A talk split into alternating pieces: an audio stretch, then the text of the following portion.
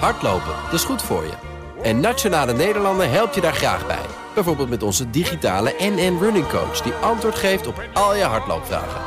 Dus, kom ook in beweging. Onze support heb je. Kijk op nn.nl slash hardlopen.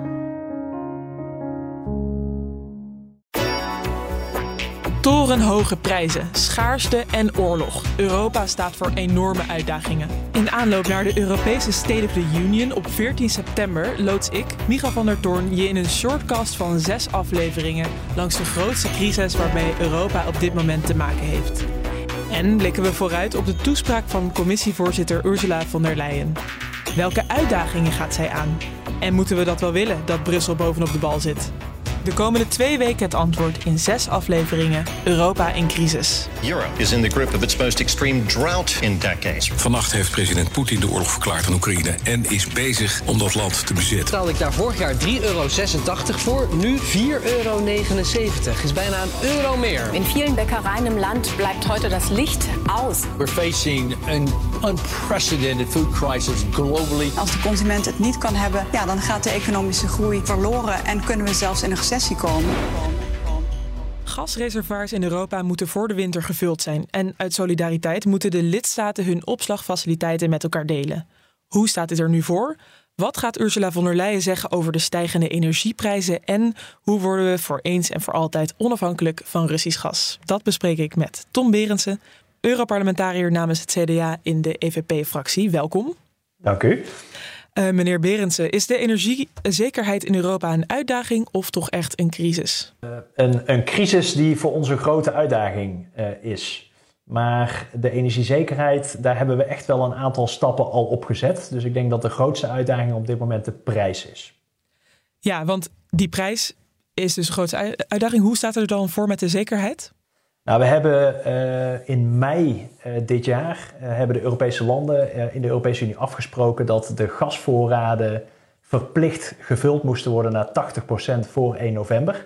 Ja, en daar zien we nu wel het resultaat van, dat die, die gasvoorraden goed gevuld zijn. dat doet op dit moment ook wel iets met, met de prijs. er is iets meer zekerheid in de markt. Maar tegelijkertijd, ja, als we een strenge winter krijgen, we, we, hebben de zaakjes nog niet helemaal op orde. Dus er is, uh, er is echt nog een hoop te doen. Ja, want de gasprijs die is um, voor het eerst sinds tijden weer wat gedaald. Um, heeft dat dan ook te maken met die gevulde gasvoorraden?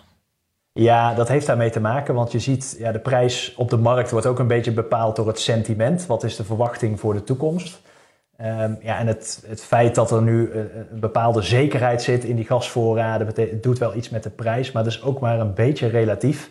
Want ja, de prijs hè, die nu tot onder de 200 euro gezakt is. We hebben uh, tot 2021 was de prijs uh, 30 euro, om het zo maar even te zeggen. Dus ze zijn nog steeds extreem hoog. Dus er is nog genoeg te doen. Ja, dat is nog steeds een heel groot verschil. Nog even terugkomen op die gasreserves. Uh, zei het al eerder, onze energieminister. Onze gasreserves zijn gevuld genoeg in ieder geval om de winter door te komen. Is dat in de rest van Europa even goed uh, geregeld? Ja, niet ieder land heeft uh, die, die opslagen. Uh, Nederland heeft ze wel. Maar dat betekent dat nou ja, de opslagen die we hebben in Europa, die, die zijn steeds beter gevuld. in Oost-Europa is de uitdaging nog wel groot om voldoende gas ook te krijgen. Um, en ook daar wordt natuurlijk aan gewerkt op dit moment. En dan, als het aan de Europese Commissie ligt, komt er een prijsplafond voor gas via gaspijpleidingen uit Rusland. Uh, voorzitter van der Leyen zegt dat er dat een limiet op de gasprijs nodig is, zodat de EU zich kan verweren tegen manipulatie door president Poetin. Gaat dat gasplafond er nou komen of niet? Um, ja, dat is een beetje de vraag of dat men daaruit komt. En, en, de reden dat ik daar een beetje over twijfel is omdat ik niet denk dat daar het belangrijkste punt gaat zitten in de discussie. Um, in het algemeen zie je, uh, onze energievoorziening is, is eigenlijk volledig aan de markt overgelaten en de markt bepaalt de prijs. Uh, maar energie is een publiek belang. En we zien gewoon dat uh, nou ja, de markt niet levert wat wij met z'n allen willen, namelijk een eerlijke prijs en voldoende energie. Uh, dus waar er nu met name naar gekeken wordt, is kan er een prijsplafond gezet worden op de overwinsten van bedrijven die niet met gas elektriciteit produceren. En dat klinkt wat ingewikkeld, maar gas is nu heel erg duur. wind, zon, kernenergie, kolen, et cetera, die zijn veel goedkoper.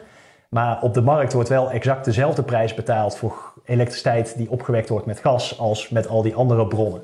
En waar er nu naar gekeken wordt, is kan je nou niet die overwinsten uh, op al die andere producenten, kun je die niet afromen en inzetten bij de huishoudens die dat keihard nodig hebben of de bedrijven die dat keihard nodig hebben.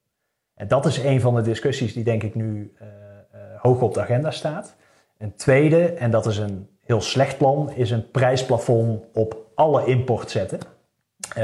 op, op al het gas wat wij importeren. Alleen wat je dan krijgt is ja, als LNG-schepen, schepen met vloeibaar gas, op weg zijn naar Europa eh, en wij zeggen, nou ja, we betalen nog maar 100 en de marktprijs is op dat moment 150, ja, dan varen ze toch echt met een grote boog om Europa heen naar Azië. Maar er zijn ook landen die dat willen. Ik denk dat dat de belangrijkste discussies zijn uh, ja, op dit moment. Ja, en dan is het dus de vraag wat von der Leyen daarover gaat zeggen in haar speech. Dus het lijkt mij tijd voor de State of the Union bingo kaart.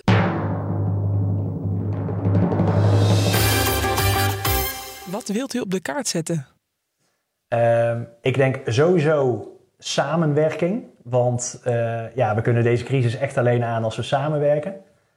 Uh, en ik mag er maar één noemen. Als ik er twee had mogen noemen, had ik ook energiebesparing genoemd. Want ik denk dat dat de allerbelangrijkste maatregel is en de meest vanzelf, vanzelfsprekende maatregel die we in Europa moeten nemen op het gebied van energie. En is daar dan ook Europese samenwerking voor nodig? Ja, daar is zeker Europese samenwerking voor nodig. Uh, omdat ja, ons energiesysteem uh, kunnen we ook beter met elkaar uh, verbinden.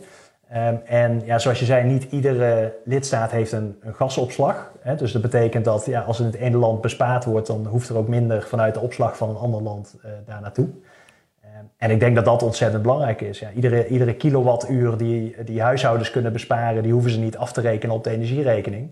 Uh, iedere euro die we niet aan Russisch gas besteden, die gaat niet naar de oorlogskas van uh, Poetin. En ja, uiteindelijk is de, de schoonste energie die we op kunnen wekken, is de energie die we niet hoeven op te wekken. Dus ja, zowel voor het klimaat als voor onze energierekening als voor onze afhankelijkheid is energiebesparing de beste oplossing. dus daar hebben we ook nog wel wat stappen te zetten. Ja, en u noemde het net even al klimaat. Sommige partijen zien deze crisis ook als een kans om versneld over te stappen naar duurzame en hernieuwbare energiebronnen. Um, geeft dat op korte termijn wel genoeg energiezekerheid als we dat nu versneld zouden doen? Uh, niet per se op hele korte termijn, omdat ja, overstap op, op, op, op schone energie betekent dat je projecten moet ontwikkelen dat je meer duurzame energie kan opwekken. Um, op het gebied van wind, op het gebied van zon, uh, maar ook op de wat langere termijn bijvoorbeeld uh, kernenergie. Um, maar het is natuurlijk wel heel belangrijk voor de toekomst dat wij als Europese Unie echt onafhankelijk worden van anderen als het gaat om onze energie. En liggen er nog andere maatregelen op tafel? Nou, ik denk een, maatregel die uh, morgen ook op tafel ligt en een hele belangrijke is hoe zorgen we ervoor dat we in de Europese Unie uh, grote energiebedrijven ook overeind kunnen houden. Uh, want we hebben bijvoorbeeld Uniper in, in Duitsland, dat is een Finse energiemaatschappij die op dit moment voor heel veel geld gas moeten inkopen en dat vervolgens ook weer moeten verkopen naar afnemers en, en consumenten. Um, ja, en als dat soort bedrijven om gaan vallen, dan betekent dat iets voor onze energiezekerheid en onze energievoorziening. Dus ik denk dat het heel belangrijk is dat daar naar gekeken wordt. Dank Tom Berendsen, Europarlementariër namens het CDA in de EVP-fractie. Dit was alweer de laatste aflevering van Europa in Crisis, een shortcast van BNR Europa.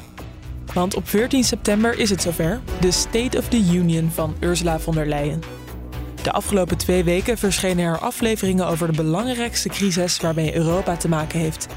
Dank voor het luisteren. Vind deze serie terug op de BNR-app, Spotify of overal waar je je podcast normaal luistert.